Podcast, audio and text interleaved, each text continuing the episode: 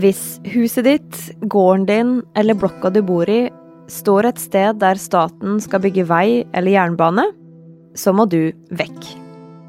Trenger staten plassen, så er det ikke noe du kan gjøre. Det du har krav på, er å få fullt betalt for eiendommen. Det står i Norges grunnlov, og har gjort det siden 17. mai 1814. Hvor gammel var du? Sju år gammel da du fikk høre om det her? Jeg husker at eh, det var Jeg hadde bare hørt det at vi skulle flytte for at husene skulle rives. Så da tenkte jeg at det var skikkelig brutalt, og at det plutselig kom til å skje.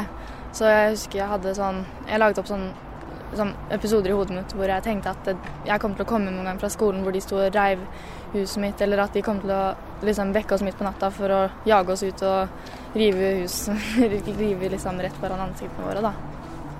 Henriette Platsen og tremenningen Nora Gonsholt er 14 år nå, og kan ikke huske å ha bodd noe annet sted enn i de hvite rekkehusene ved siden av hverandre på Ramstadsletta.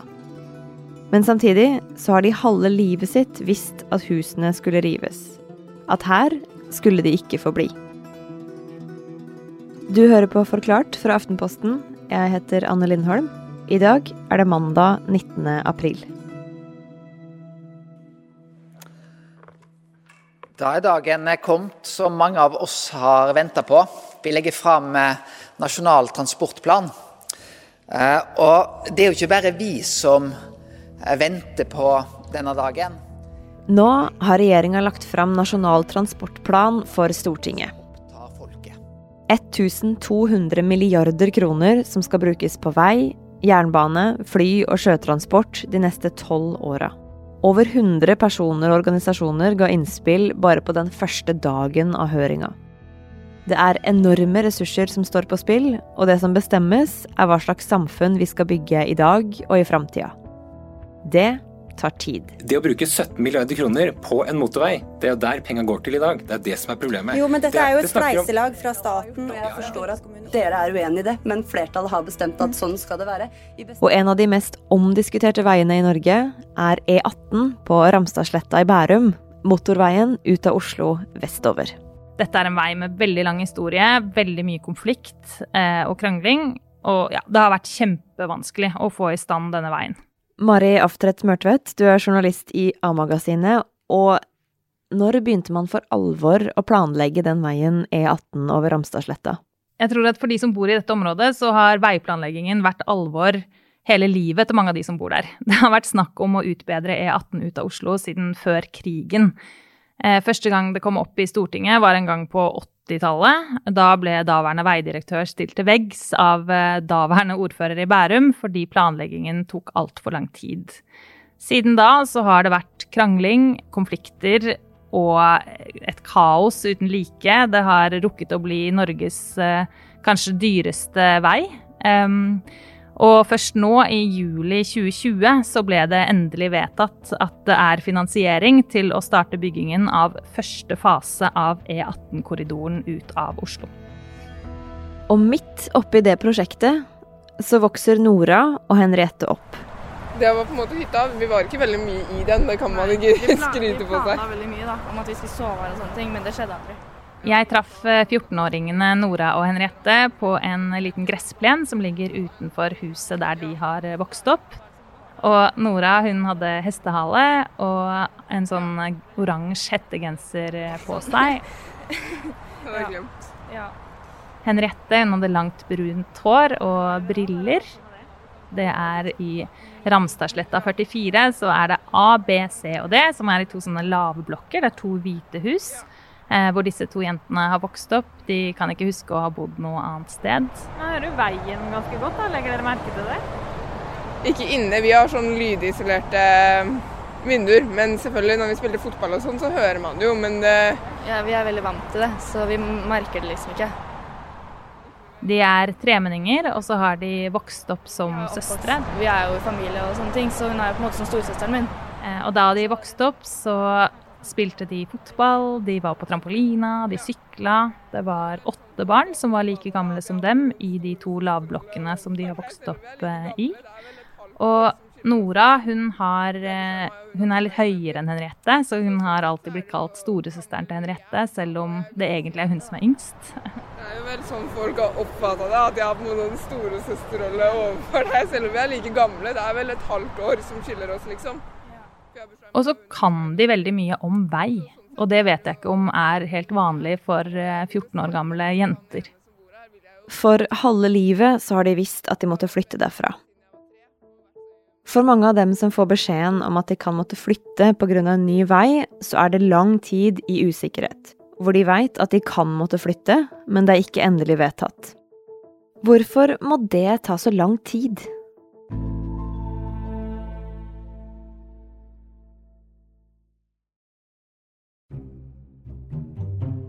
Mari, åssen er det vi bygger infrastruktur i Norge? Altså veiene, jernbanen, bruene, alt det vi bruker til å komme oss rundt. Åssen skjer det?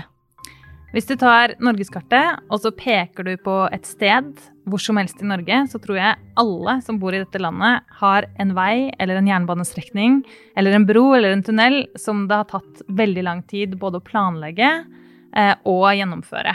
Grunnen til det er at det er vanskelig selvfølgelig å lage vei og jernbane i landet vårt. Det krever konsulenter, man må finne ut eh, miljømangfold, man skal klare å finne ut eh, hva slags type bergarter har vi. Altså det tar lang tid å finne ut hvordan man kan lage den infrastrukturen man ønsker.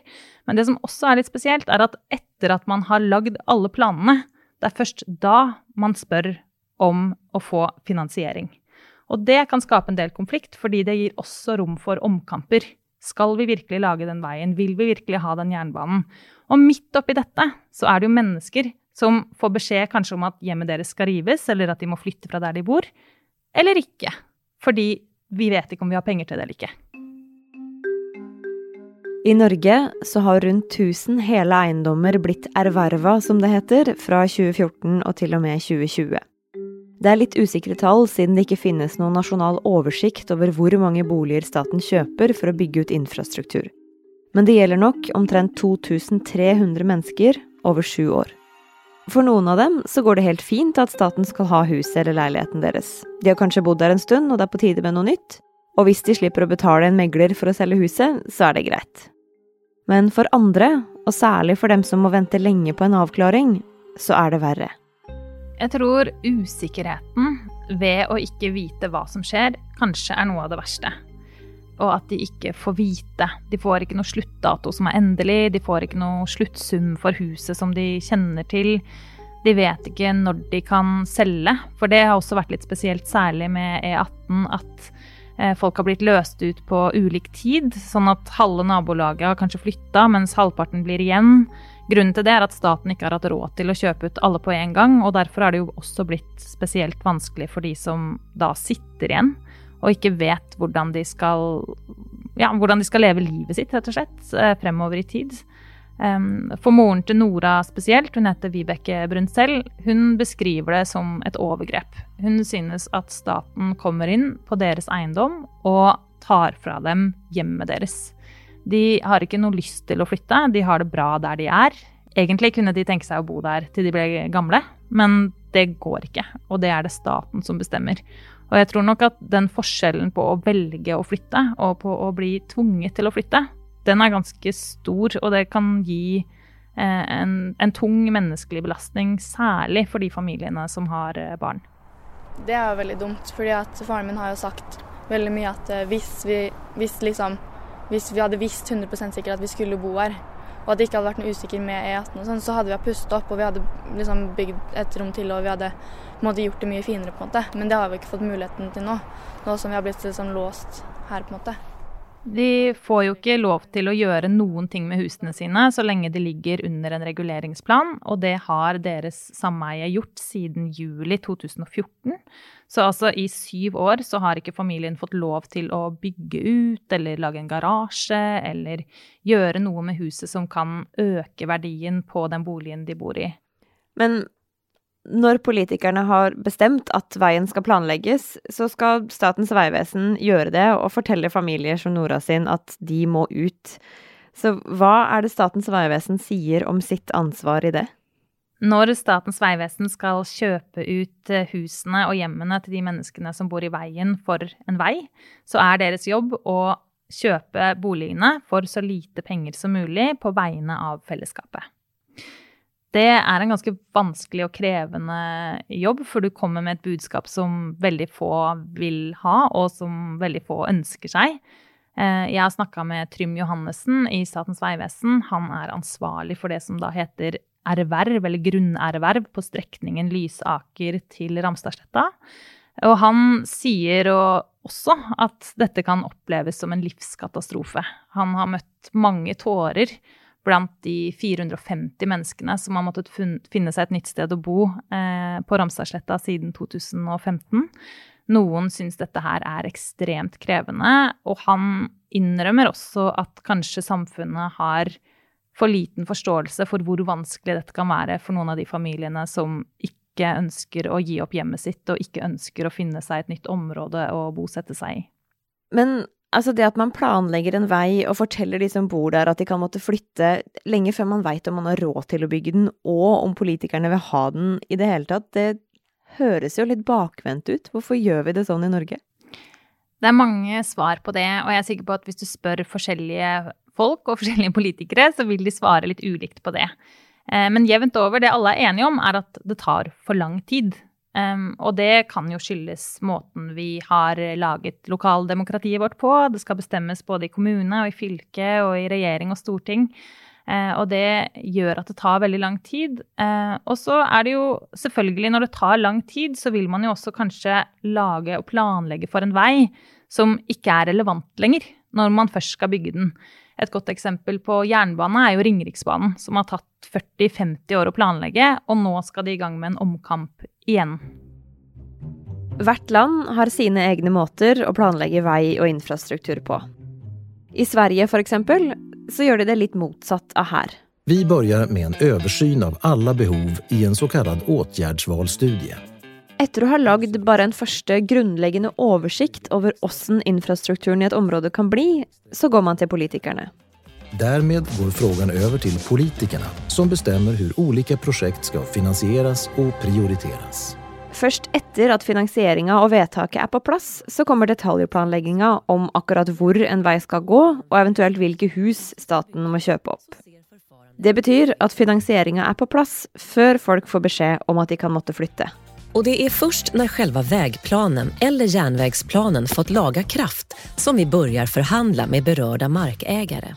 Men i Norge så ber man jo vanligvis om finansieringa til den faktiske bygginga etter at alt er planlagt.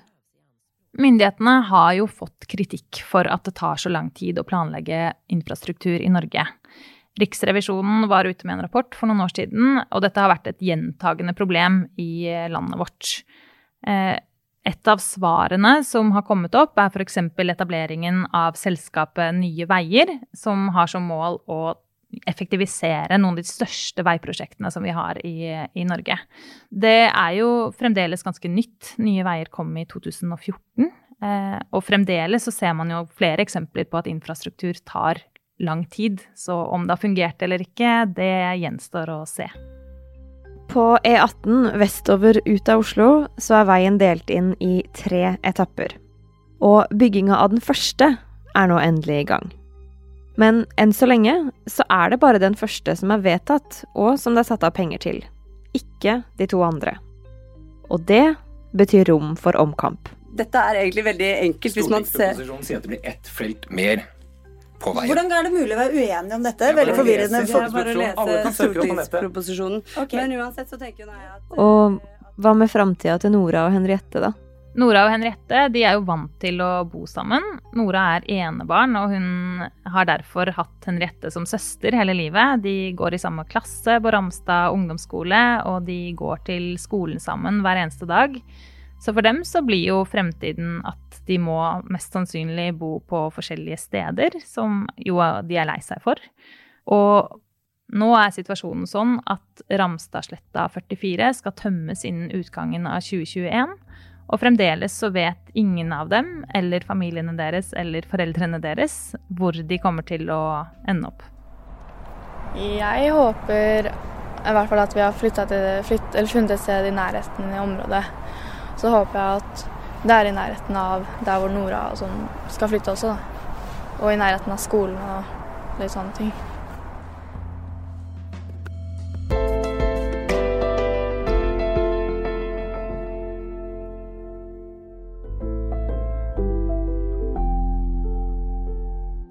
Denne episoden her er lagd av produsent David Vekoni og meg, Anne Lindholm.